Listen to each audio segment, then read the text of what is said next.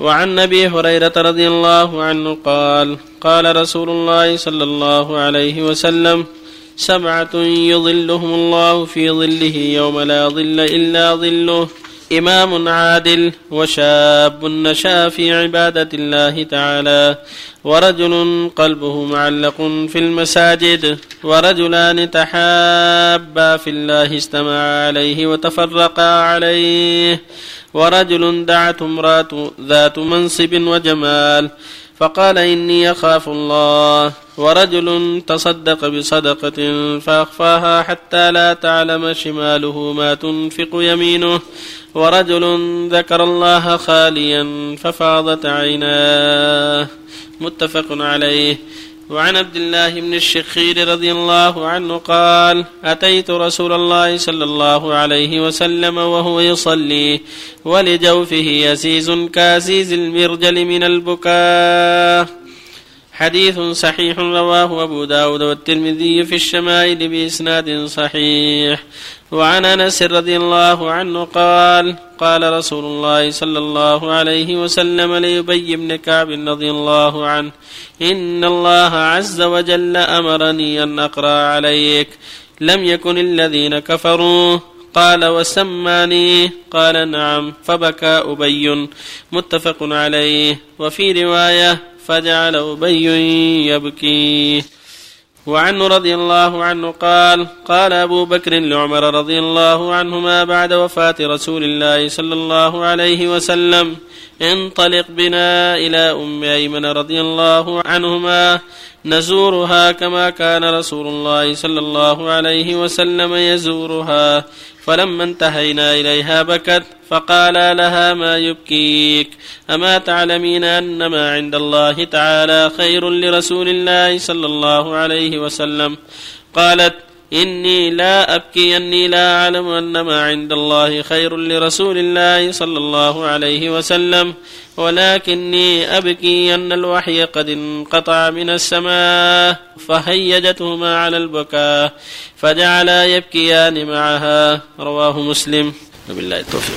بسم الله الرحمن الرحيم. الحمد لله وصلى الله وسلم على رسول الله وعلى آله وأصحابه ومن اهتدى أما بعد هذه الأحاديث الأربعة كلها فيها الحث على البكاء من خشية الله كالتي قبلها. وأن المؤمن يتحرى أسباب ذلك في تدبره القرآن وفي إكثاره من ذكر الله وفي تذكره الجنة والنار حتى يبكي من خشية الله. الحديث الأول يقول صلى الله عليه وسلم سبعة يظلهم الله في ظله يوم لا ظل إلا ظله. إمام عادل يعني إمام للناس قد عدل في حكمه. وشاب نشأ في عبادة الله.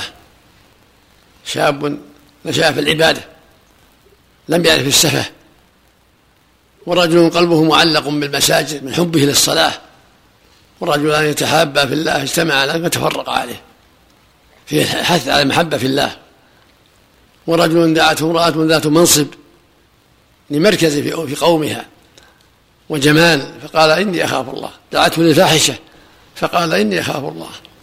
وهكذا المرأة التي وهكذا المرأة اللي يدعوها الرجل فتقول أخاف الله لها هذا الفضل العظيم. ورجل صدق بصدقة فأخفاها حتى لا تعلم شماله ما تنفق من شدة إخلاصه لله. ورجل ذكر الله خاليا هذا الشاهد ففاضت عيناه. ذكر الله وذكر عظمته ما عنده أحد ليس رياء ما ليس عنده أحد. ففاضت عيناه خوفا من الله وتعظيما لله. ففي هذا الحث على البكاء من خشية الله. وتعاطي أسباب ذلك ومن هذا حديث عبد الله بن الشخير. قال دخلت على النبي صلى الله عليه وسلم فإذا هو يصلي ولصدري أزيز كأزيز المرجل من البكاء المرجل قدر من البكاء. مع كونه خير الناس. ومغفور له ما تقدم من ذنبه وما تأخر. ومع هذا يبكي من خشية الله. وإذا قيل في مثل هذا يقول أفلا أكون عبدا شكورا. وفي الحديث الثالث أنه صلى الله عليه وسلم قرأ على أبي سورة لم يكن. قال إن الله أمرني أن أقرأ عليك سورة قال وسماني لك قال وسماك. فجعل يبكي من خشية الله وتعظيم الله. فإذا فضل أبي رضي الله عنه منقبة عظيمة لأبي رضي الله عنه وأرضاه. المقصود كل هذا فيه الدليل على البكاء من خشية الله جل وعلا وأنه ينبغي للمؤمن أن يتحرى أسباب ذلك حتى يبكي من خشية الله. كذلك حديث أم ميمة رضي الله عنها وهي حاضرة النبي صلى الله عليه وسلم. أم أسامة بن زيد.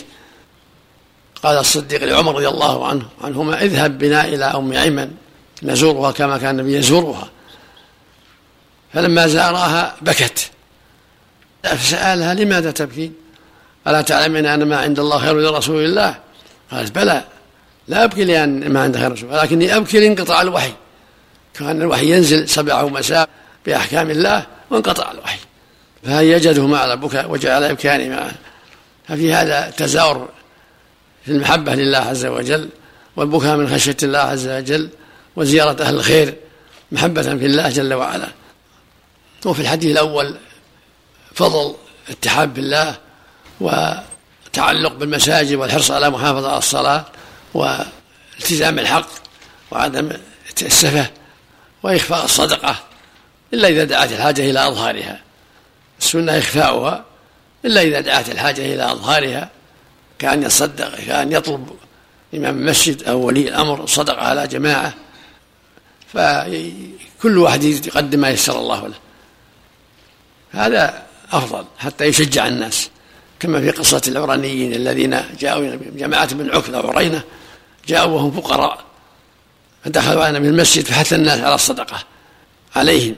فجاء رجل بصرة من فضة في يده كانت كفه تعجز عنها. ثم تتابع الناس في الصدقة عليهم. فقال النبي صلى الله عليه وسلم حينئذ لما رأى الناس تابعوا الصدقة من دعا إلى من دعا إلى سنة كان له أجرها وأجر من عملها من بعده. وبلغ الله من سن في الإسلام سنة حسنة فله أجرها وأجر من عملها من بعده لأن جاهر بهذه الصدقة حتى تبعه الناس وسارعوا. لهؤلاء الجماعة الفقراء الذين حث النبي على الإحسان إليهم. وإلا فالأصل إخفاء الصدقة. كما قال تعالى إن تبدوا الصدقات فنعم ما هي وإن تخفوها وتؤتوها الفقراء فهو خير لكم ويكفر عنكم من سيئاتهم. اللهم صل وفق الله جميعا. نعم. أحسن الله إليك. المرأة تشترك إلا في خمسة استثناء الإمامة والرجل المتعلق بالمسجد؟ نعم. في اتحاد بالله وفي الصدقة. في البكاء من خشية الله. نعم. كله الإمامة بالمسجد نعم. نعم ورد ورد في بعض الروايات أن الظل مراد به ظل العرش. الله أعلم. جعل العرش وغير ظله. على كيفية التي يعلمها سبحانه. جاء هذا وهذا كله. الله يحسن عملكم. نؤمن بذلك الكيفية التي يعلمها سبحانه وتعالى. الله يحسن عملكم. قول النبي السلام سبعة يظلهم الله في ظله. جاء في بعض الأقوال يا شيخ أن المقصود هنا بالسبعة ليس العدد وإنما القوة يا شيخ. الجنس جنس جنس السبعة. جنسهم. الله يحسن عملكم جنسهم. نعم. اتخاذ الرجل للعصا في البرية سنة. ما أعلم فيها شيء. في البرية والحاضر كلها. إذا أخذها لا بأس من تركها فلا بأس إلا إذا احتاج إليها. النبي كان يحملها تارة ويدعوها تارة وصلي الله يسلمك ما كان يحملها دائما وصلي الله يسلمكم تأخير الميت تأخير دفنه يا شيخ شو الضابط فيه؟ ما له ضابط إلا تحري الشيء اللي ينفع أما ناس يحضرون الجنازة من أقاربه أو لأجل تأخر الغاسل أو أسباب الكفن أو أسباب ولا السنة الإسراع به. النبي عليه الصلاة قال أسرعوا بالجنازة. فإن تكون صالحة فخير تقدمونها إليه. السنة الإسراع بها إلا من علة. قد بعضهم يؤخره إلى يومين ثلاثة إلى أن يقدم ابنه من الخارج أو كذا. لا مهم لا لا, لا السنة الاسراع بها.